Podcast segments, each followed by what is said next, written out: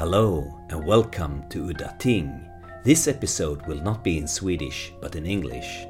This episode will be about the life of a scholar, or rather, the scholarly life of Scott Connors, famous for his knowledge of weird fiction in the late 19th and early 20th century, with authors like Arthur Machen, H.P. Lovecraft, and M.R. James, but most notably, and maybe as the main scholar, on Clark Ashton Smith.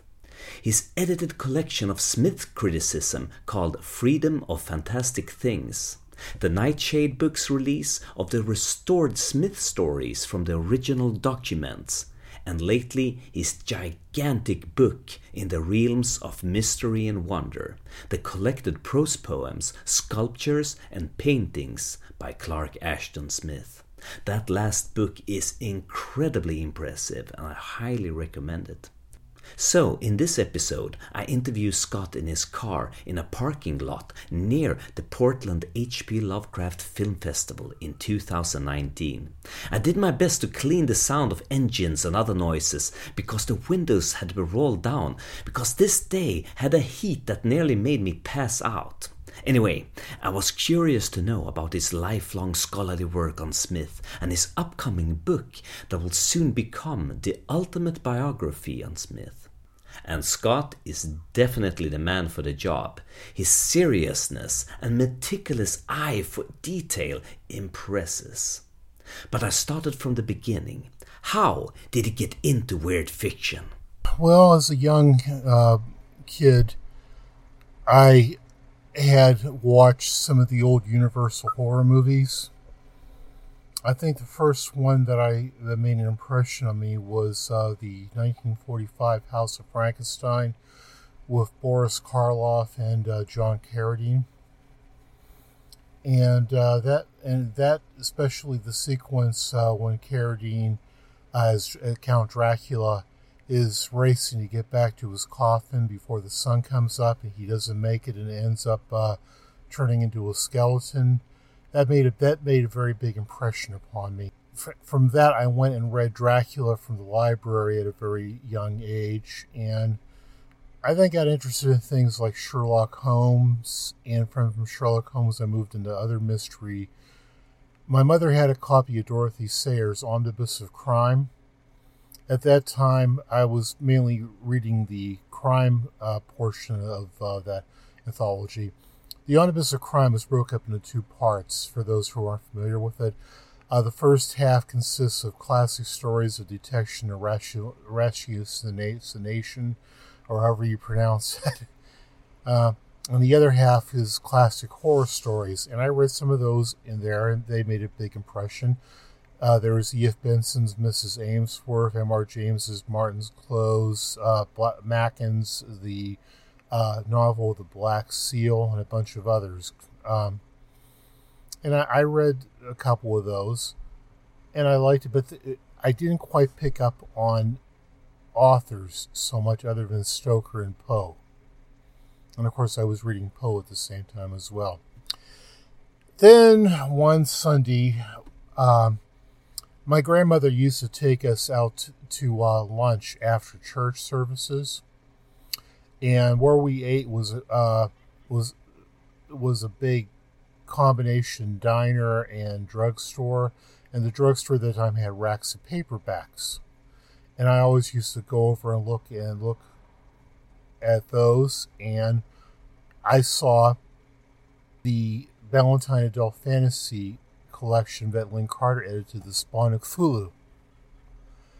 And I had run across references to Lovecraft in another mythology that I read in the junior high library. That, uh, and I figured, okay, Lovecraft is somebody that uh, I need to look into. And I read that, and that was my introduction to the mythos. I read The Whisper in Darkness. And it also included stories by Robert E. Howard and Clark Ashton Smith. And I'd heard of Howard because I'd seen the Conan paperbacks on the uh, also on the drugstore shelves, but uh, being a little bit puritanical, I kind of dismissed them as uh, wish fulfillment garbage. You know, I'm all 13 years old. That's all that 13 year olds are about at the time is wish fulfillment.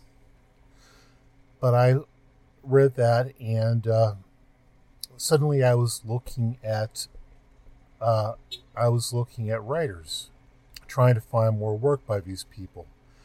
And I found a copy of the Magazine of Fantasy and Science Fiction on the newsstand and picked that up.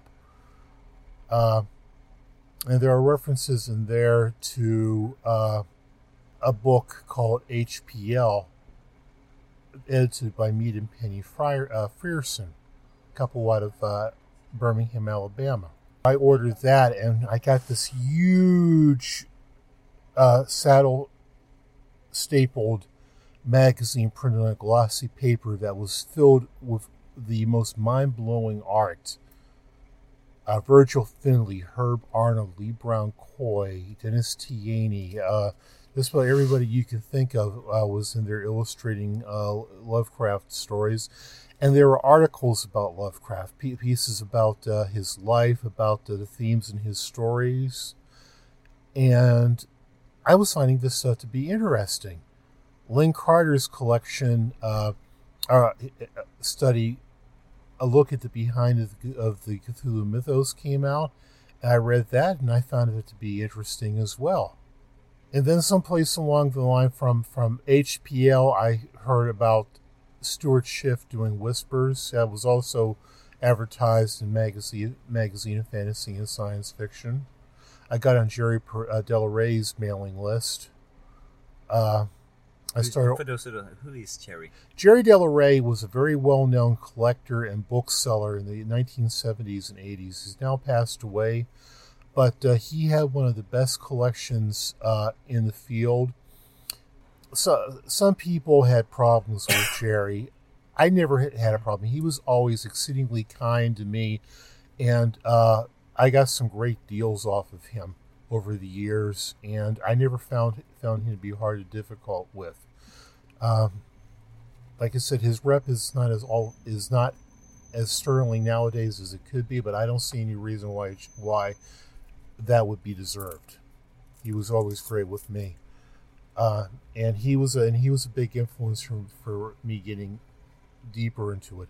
Well, from whispers, I found out that a couple guys uh, named Bill Wallace and Joe Pumilia had founded a amateur press association called the Esoteric Order of Dagon. I didn't know what amateur press association was, but I wrote away for information and found out that if you could produce a little uh, six-page zine every uh, six months that uh, other people would send you uh, their own zines as well. And, uh, and a number of the people that were members of the EOD were also contributors to HPL and to uh, magazine Whispers. Uh, so, okay, my, I'm thinking to myself, okay, uh, I'm already writing essays in the uh, English classes I'm doing. My mother's a school teacher, and she's got uh, she's got uh, access to uh, mimeograph stencils. Hey, mom, can uh, if if I uh, pr- type up some essays, could you run them off on the mimeograph at work? Sure, honey. And uh, so I turned out my first uh, piece for EOD. It was it was a piece about the influence of Arthur Machen and Robert E. Howard called "The Riddle of the Black Seal." Nowadays, it's if you mention Howard's Little People and uh, and having been influenced by Arthur Machen's Little People, you're it's going to be a duh moment. But I was the first person to actually meant, uh, point that out back at the time. That was the beginning, and from that, uh, Karl Edward Wagner uh, thought very highly of the piece, and he used it when he wrote his Bran Mak Morn pastiche uh, Legion from the Shadows, and I come home one day and I discover a package from Karl, who I had, who whose work I knew, but I did not know the guy. And uh, there's a copy of uh, Legion from the Shadows inscribed to me. That's great. Uh, to Scott Connors, who investigated the riddle of the Black Seal. Then I read the afterword, and he's got some very nice things to say about me. So, okay, Ego Boo. Like I said, I discovered Smith, Lovecraft, and Howard simultaneously. And uh, after I had gotten I started looking for more, I found uh, the Hyperborea paperback at the local Walden's Books. That was a it's a now defunct uh, bookstore chain that uh, inhabited uh, shopping malls across the country. Uh, and a friend of mine, uh, the son of my of uh, my mother's housekeeper or cleaning lady, he had a lot of this stuff, and he had a copy of Zothique, which I read. And man, I really wanted to get my hands on that. But then I got found out from Arkham House that they had that uh, the first two Arkham House collections by Smith had been reprinted in England, and they had copies for five bucks a piece. So I ordered those, and I basically started getting all the the things. Now I was still mainly interested in Lovecraft at this time, but what got me going for Smith was one year we went out to San Francisco for a vacation, and I used the opportunity to cut loose from the family and took a bus to Auburn, where I met Helen Sully. At that point, I was interested in her connections with Lovecraft, but while I was there, I spoke to a lot of people about Smith, and Helen and her sister Marion uh, showed me a lot of their Smith material, and it suddenly occurred to me, hmm, this there's not a lot of people doing stuff about Smith right now. So I started gathering stuff together and I started doing some writing about Smith. Now, someplace along the line, I ended up spending a year in Austria where um, I went to the University of Salzburg. And while I was there, I took a lot of courses in German, but I also took some uh, some courses in the English department there that were taught by visiting American professors. One of them was a gentleman named Richard Carpenter, uh, who he was teaching a class on literary criticism. He had already done a piece on a book for the 20 American Authors series on Thomas Hardy. I learned a lot from Professor Carpenter, and he uh, was one of one of my mentors in this. And from from him, I learned about close textual reading. Not not particularly interested in weird fiction, but the idea was is that basically. Uh, you concentrate upon you concentrate upon the text and read how the uh, author constructs the story, his choice of words, and so forth. Uh, and, and, from that, you can you can pick up a lot of the subtext and some more subtle uh, meanings, and that's a technique which I still use today uh, when when I'm doing this. Uh, just for fun, what I occasionally do is I when I'm reading a particular story like Donald Wandrei's uh, The Eye and the Finger or The Painted Mirror or something like that, I'll subject it to a close textual reading and I'll go ahead and write the stuff down. They're just something, just one of the little hobbies I have. Mm-hmm. But then I uh, was I've been reading this stuff. I started picking up on various themes that they had, uh, in like in Smith, his uh, use of mirrors, for example, or the Gorgon. The problem at that time was I didn't have the life experience or hadn't been widely read enough to be able to pick up on a lot of this stuff. Mm-hmm. Uh, now I do. And I got asked to do some stuff. Originally, um, Don Herron wanted to wanted me to redo the riddle of the Black Seal for a collection of Robert E. Howard criticism at Greenwood Press, later published as uh, the, the, Dark Barbarian. Uh, the first version of that kind of went down, and in the early 1980s, I ended up gafiating when I went. That's Fanny's term meaning uh, get away from it all. So I ended up straying away from the field, and I ended up going to the army for 10 years and I didn't do a whole lot of work during that. When I got out of the Army, I uh, went to nursing school. I still had some of my books and stuff, although I lost a lot for reasons we won't go into here.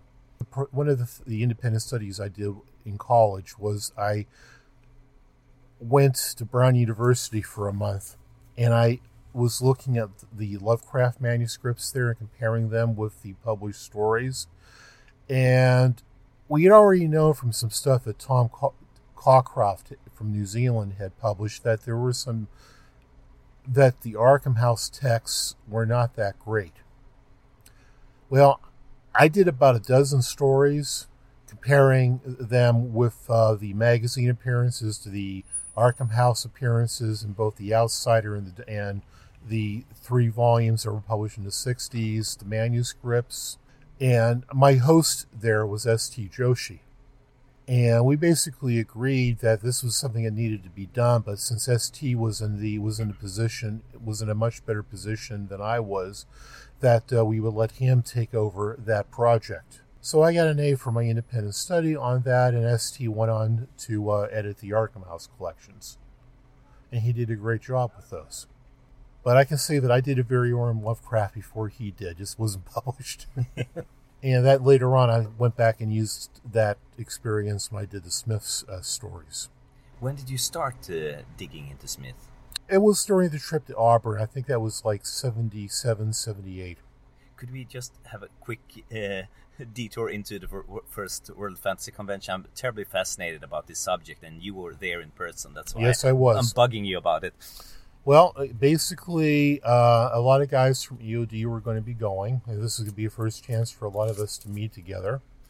Plus, it was, it was a chance to meet Robert Bloch and Fritz Leiber, and Frank Long and Joseph Payne Brennan, Manly and a lot of these guys I was already corresponding with.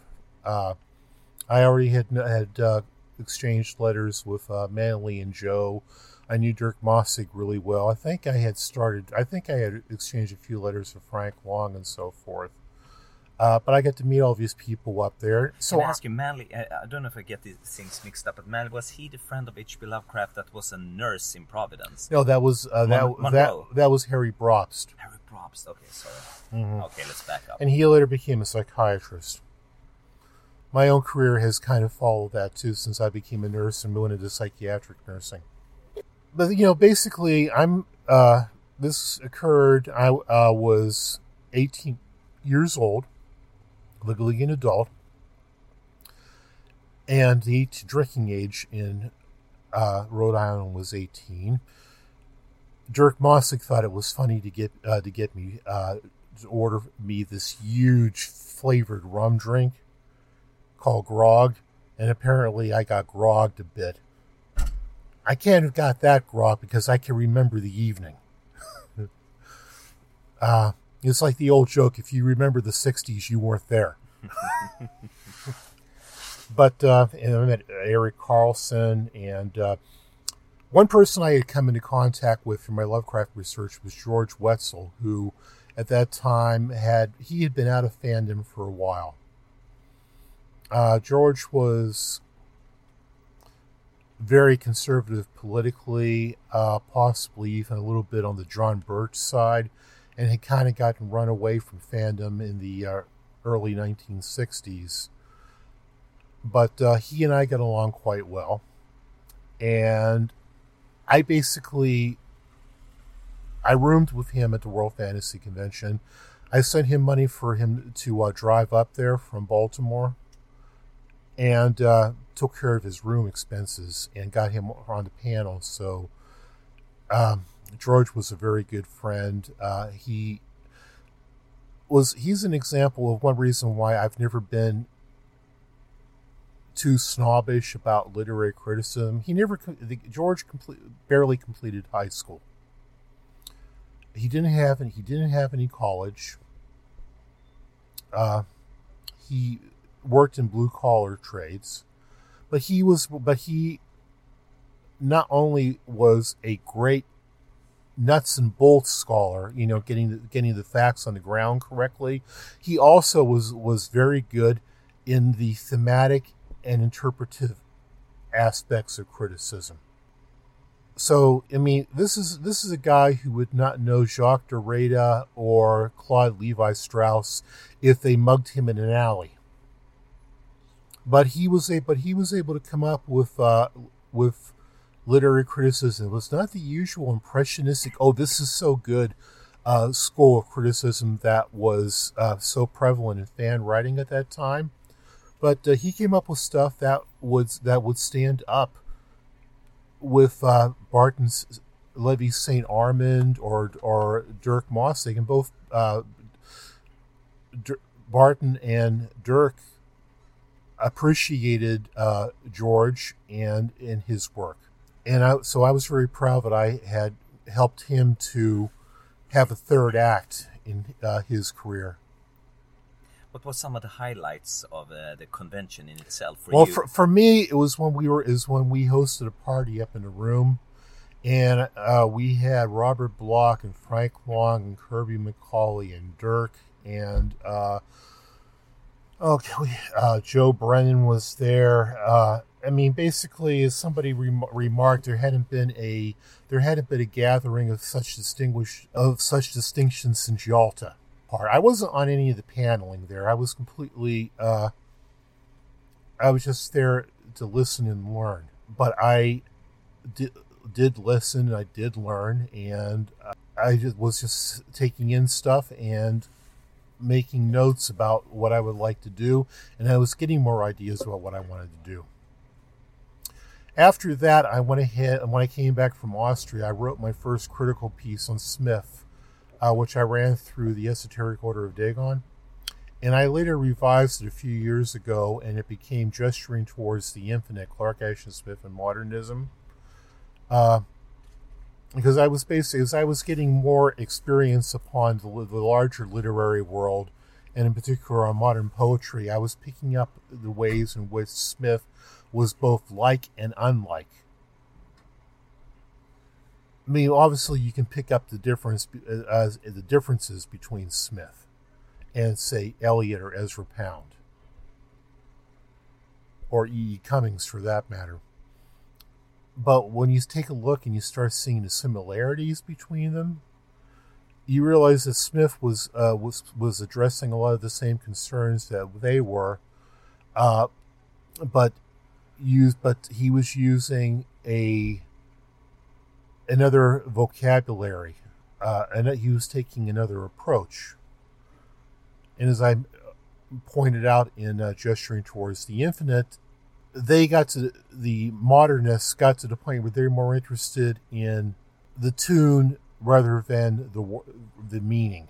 It was it was they they were concentrating too much on how you say it, not what you were saying, and uh, that always struck me as being counterproductive. One thing I learned in the service is that if it's stupid but it works, it ain't stupid, uh, which has stayed with me throughout life.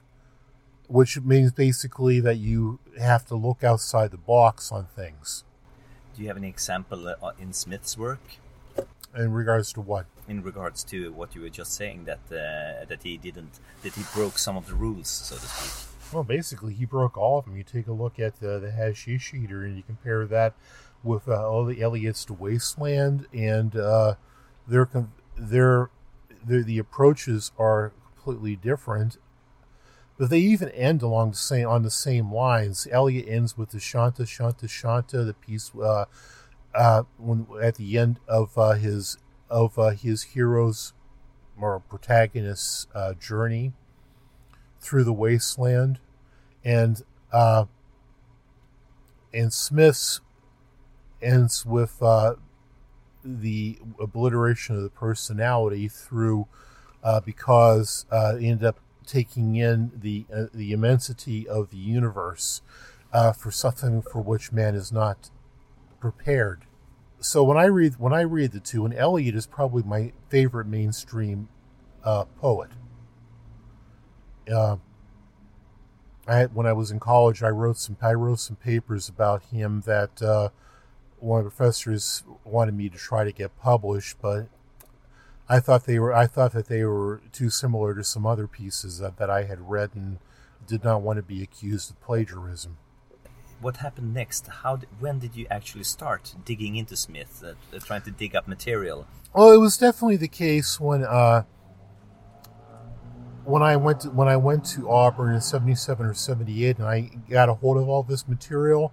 People like Bob Elder and uh, Violet Hot Nelson Hire. I, I, interviewed a lot of Smith's friends during that time, and uh, the Sullys let me make copies of a lot of material.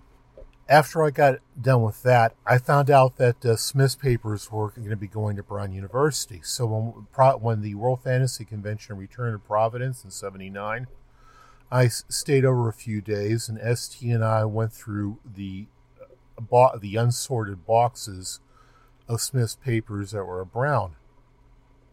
And we couldn't make copies of Lovecraft's papers at the time, but there was no problem with the Smith papers.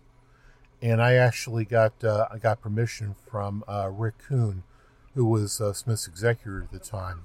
He uh, he married uh, Smith's stepdaughter, Terry. So I was covered with that. I made a lot of copies, and I found a lot of material out then. But then I ended up getting burned out in fandom and ended up joining the army. And when I got when I got back into fandom in the seventies, uh, I got back into contact with ST. I still had a lot of this material. I went ahead and finished uh, gesturing towards the infinite, and I, then I started looking up stuff again. I moved out to California so I could be closer to Auburn and Smith's remaining friends, and we came up with we found a lot of more material out here. When you did original inter- interviews, what you were interested in, uh, Did what not- the I- sort of- sort of questions you asked. I did not really know what to ask at the time. I simply was simply too young and inexperienced to be able to come up with the stuff. So I was asking general material. I mean, you know, basically, how do they get to know Smith? What do they think of his work? Uh, what could they t- tell me about him? Uh, Biographical stuff. Right, okay. I found out some interesting stuff. Like Helen told me that Smith was so poor that uh, part of the reason he that he uh, uh, dropped out of high school after only a couple of days was because kids called him Clark Ashcan Smith because uh, he was so poor. And I found out from Bob Elder that Clark actually suffered from, uh, I can't remember the technical term, but he was scared of crowds. He didn't like being in groups of, of more, No, no, no, no. not, not agoraphobia, that's fear of open spaces. Okay. But uh, similar to that, Mhm. uh, he didn't have any problem with open spaces. I mean, he slept outdoors uh, during the summer and was and was went to sleep staring into the sky. So that wasn't an issue. But he really did not like being around large groups of people. He could handle having visits from fans of groups of as many as six. But he turned down uh, invitations to science fiction conventions uh, in the 1950s, even when they were happening nearby him when he was living in Pacific Grove, uh, for because he just simply was too uncomfortable around him. There's a photograph that was taken of him and Carmel at a garden party that George Sterling had. It's in my selected letters. I've seen it. Yeah, and you take a look at, at Clark, and he's and he looks really, really uncomfortable. It looks like he's having a panic attack, being uh, being with all those people. So that was one. That was one of the things that I picked up. You know, I asked about what writers he liked. I found out that he that uh, he, the Sully sisters were very accomplished amateur musicians, and uh, he used to go they used to take him to rehearsals for with uh, the Sacramento uh, with an orchestra that they play with in Sacramento, uh, so he could listen to what I'm playing. And found out that he was a big Wagner fan, which I, at that time I was in my Wagner phrase. Still am, for that matter. Mhm. But uh, when I was in Austria, I went. I got to see a whole ring cycle. It was just simply a matter of in, in the seventies when these people were available. I was too young and callow to be able to pick up this stuff. But then I figured that I was going to go that. That uh, there is a need for somebody to do something on Smith. The Camps book had come out on on Howard. He'd already he'd also published a miscast barbarian about Howard. That's something that Gerry de la Ree published, and he it later became Dark Valley Destiny that he published in the 80s. I figured he wasn't going to do Smith because he didn't see that there was an economic uh, justification for it. Don Fryer had basically done all that he wanted to do on Smith. He wasn't real big on writing a full length biography. So I figured I was going to have to be the one to step up. And when I got back into the field in the 90s, I basically figured, okay, nobody has come up with anything yet. Steve Behrends had picked up the, the baton to some extent. He did a Starmont Reader's Guide on Smith, but that was basically a. It was it was in the same category as Don Fryer's The Sorcerer Departs, mm-hmm.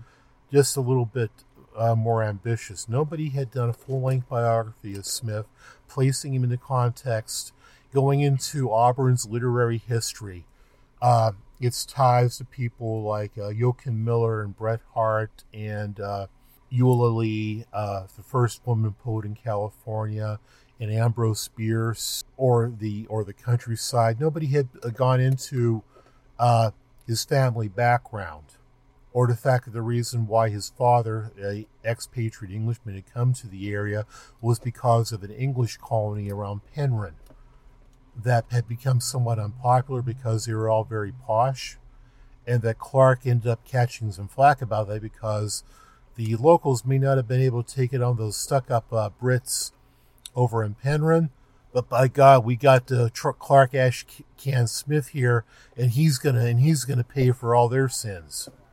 So he ended up getting scapegoated. Simply a matter of getting of. I didn't realize what I didn't know at that time, and I've been using the time since then, both to look up more stuff on Smith, and I found I found a lot of letters that uh, nobody else had. Uh, we located. I found uh, one missing story the Face by the River, and Ron Hilger found The Red World of Polaris. So we managed to come up with two. We found two Clark Ashton Smith stories that had not been published and were thought to be lost. I found out that uh, Alfred Stieglitz liked Smith's uh, was aware of Smith's painting and liked it, and had nice things to say about it, as did a bunch of other major artists of the time period. And you find you find out all this information. You realize that Smith was not was not completely an outsider at the time. People knew of him, and people th- uh, liked what he was doing, but it was not particularly fashionable. And in literature and art, especially in art, art is all about is all about fashion. People follow herds.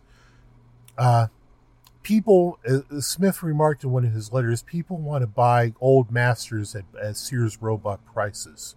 So is they're not looking at art because whether it's good or not, whether they like it or not. They're for buying it because they because they want the name and they want the status that having that artwork uh, conveys upon them.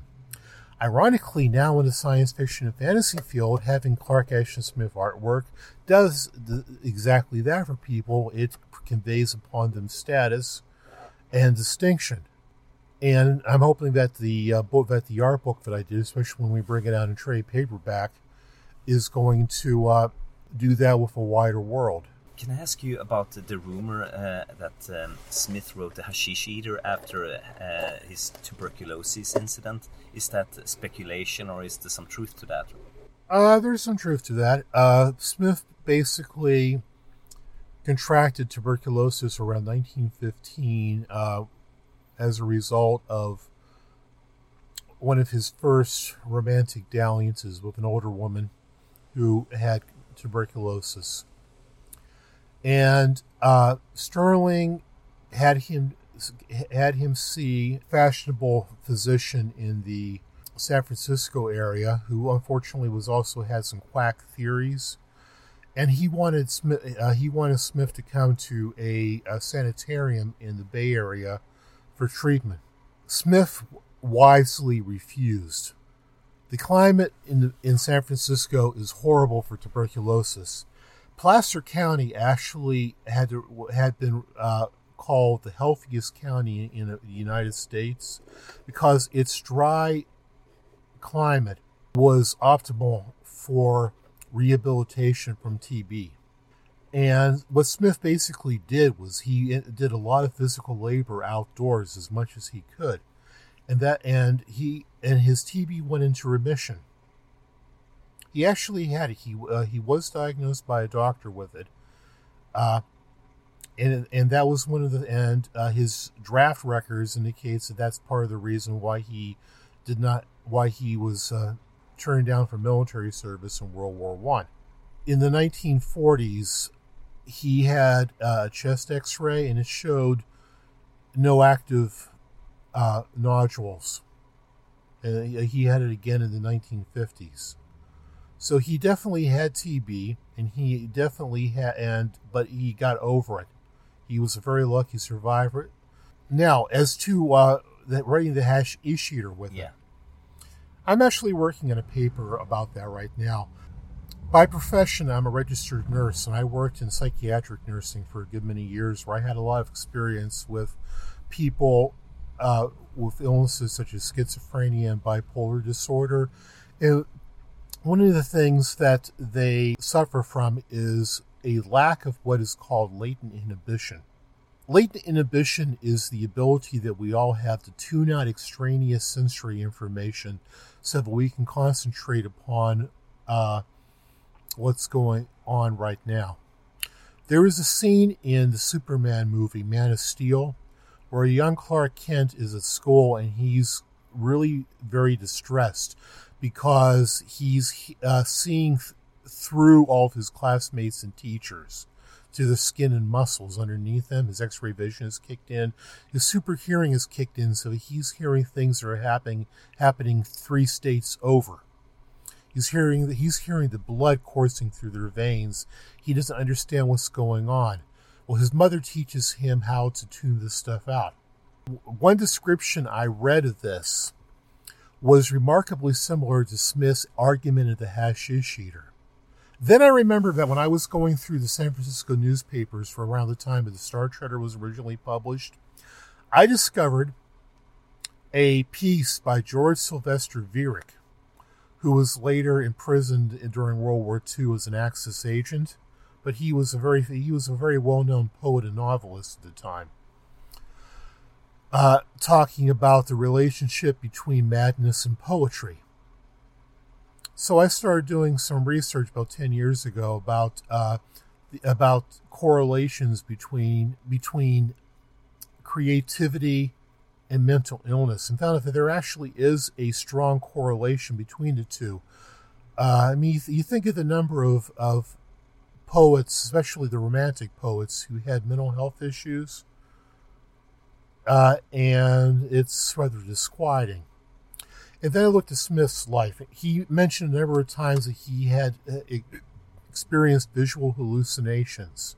Uh, there's one piece called The Demonian Face that mentions an episode that occurred around when he was probably in San Francisco for uh, treatment of his TB when he was at the Bohemian Club, and he saw a demonic face floating uh, in, in, the uh, air before him.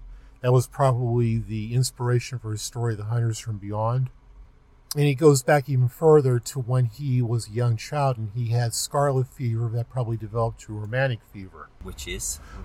Rheumatic fever is basically the same, is caused by the same uh,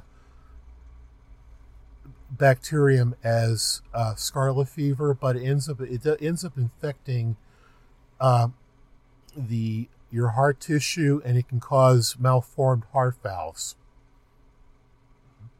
And uh, basically, the heart disease that, that took Smith out later in life could, might possibly be traced to that. So if you get back to what you were saying about uh, the latent inhibition, I was just looking through this and I found a number of instances where Smith is dealing with this. And yeah, I did this some stuff I found out about Smith apparently being very, very dreamy and withdrawn. I th- personally think that when Smith started writing poetry, he was he was in the he was in the age when most people who have schizophrenia uh, start developing it there's a strong genetic component to schizophrenia, and sometimes environmental factors cause can cause that gene to go from latent to active. But you can start you can start showing symptoms, but then it will go away. I think that I think that Smith started to experience some of those symptoms, but it, it ended up going into remission, possibly because he was able to use poetry as an outlet for uh, for this poetry and his artwork and so forth as a as a type of therapy for it. He never came became delusional or anything like that. Uh, he was always able to know what constitutes reality and so forth. so I'm not saying that Smith was schizophrenic. I suspect that he may have had a predisposition towards that, and he and he may have shown some some what we call prodromal symptoms uh, when he was in his teens, but it never fully kicked in. This could simply be a case of me with my background in psychiatric nursing, that being that being my hammer, and as a result, I'm looking at everything as if it's a nail. But this is something that occurred to me, and I'm currently working on a paper on that. Well, the one thing I do want to point out is that uh, there, as S.M. Stirling has remarked, there is a there is a name for people who think that what a writer uh, has his characters describe is actually what he believes or experiences. That word is moron. Okay. Having said that, there is, there are some autobiographical elements that, that people bring to all to all their work. And I don't think Smith is any exception to that. I think what he did, especially in Hashish Eater, is really interesting. The Hashish is a great poem, but it's also a very daunting poem. You just have to be very careful when you're when you're do when you're uh, dealing with that. It's, it's, a subject that's rough, rife with uh, minefields. It's like when I wrote a paper on Robert E. Howard's use of uh, folkish uh, tropes and memes in his fiction at the same time that the uh, National Socialists in Germany were were perverting the idea of uh, das Volk uh, into something that uh, caused the death of millions of people. So I had a couple people say, "Are you saying Robert E. Howard was a Nazi?" Saying, "No, I'm saying that he uh, that that uh, he was making use of some cultural of some cultural ideas that were floating around in the zeitgeist at the time that the Nazis also made use of. But if we're going to go right down to if we're going to get right down to it, uh, the counterculture and the New Age movement also came from the same from the same group. So if you're saying hippies are all Nazis, uh, then you're then you're uh, being really inconsistent. So people have a tendency to, to go for the Reader's Digest version of things nowadays. Not look for nuance or nuance in anything. There's a lot of discussion about he, he must have taken drugs and there was opium floating around at the oh, time. Oh, there, there was there was opium, but you're not going to get the same stuff out of from that. You know, from, basically, from what I, as far as I can tell, the only thing that Smith tried uh, at this time was uh, was alcohol. Now, I do think that in the, in the, the tape. In, sorry oh, uh, when you do that sound. Sorry. The 1950s, I think Smith may have tried some marijuana at that time, but uh, I don't think he had tried it before then. He wrote to uh, Frank Long when Long asked him about that. He said that George Sterling had some hashish at, at this time, and he didn't really recommend it to Clark. I think that's probably because Sterling recognized Clark that it wouldn't do Clark any good.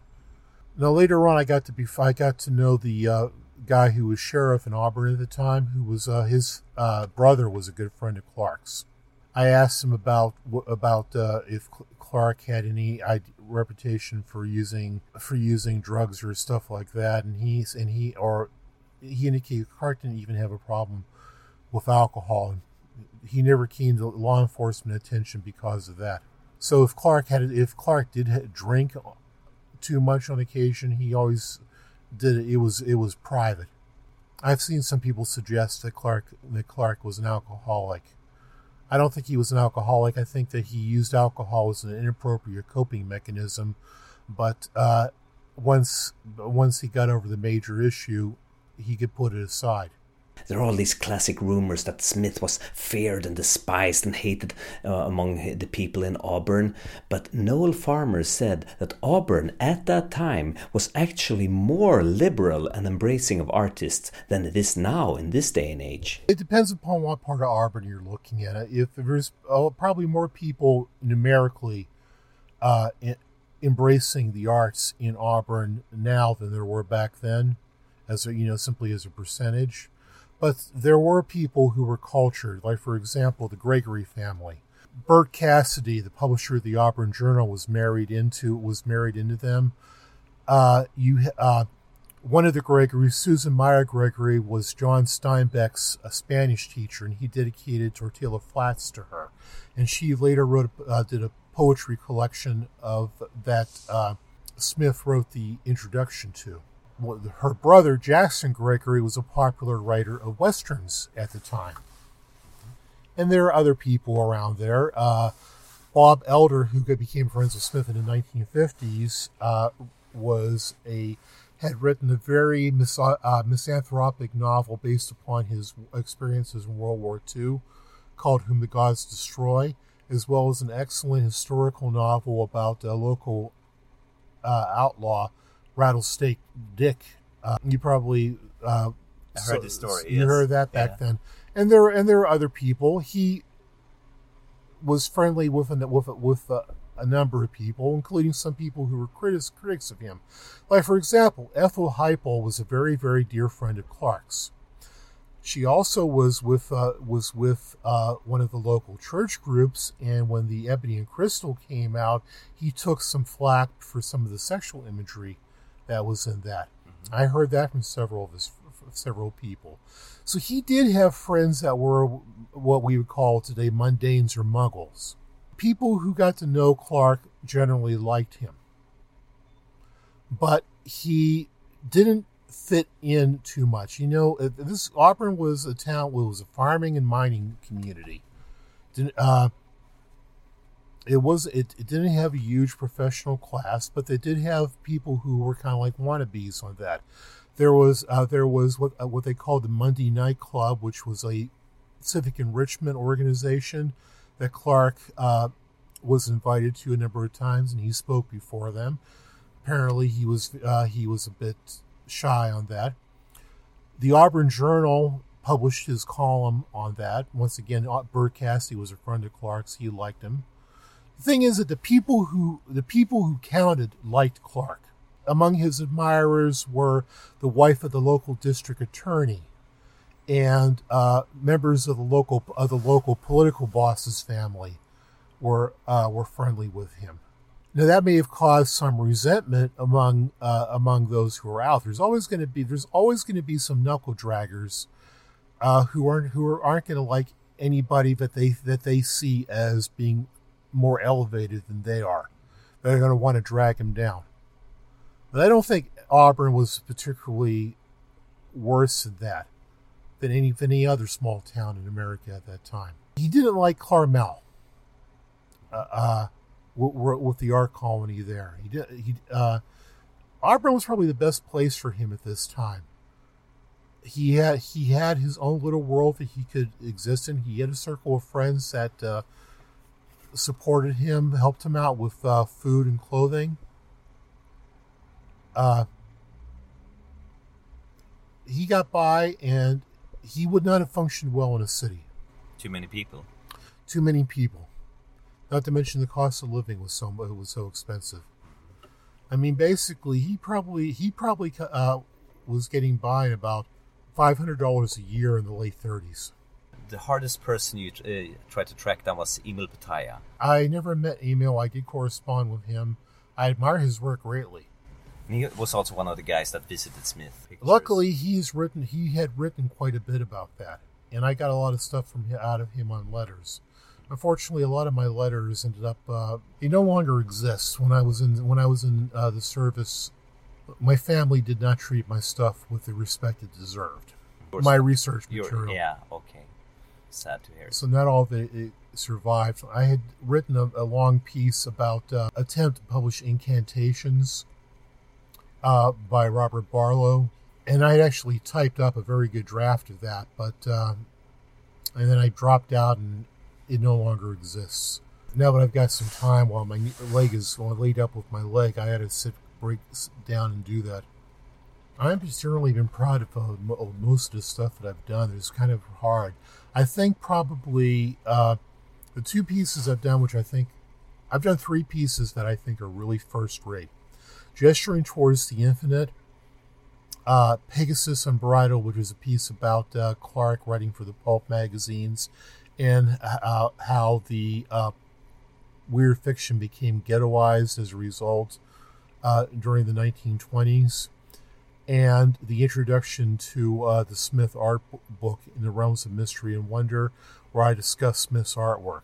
I think those are the perfect balance of uh, original research and uh, analysis. And I've gotten and I've gotten kudos on just about everything that I've written, but those are things which uh, are i am the proudest of. But I found a number of things. I found George Sterling's diary from Carmel when Clark was there.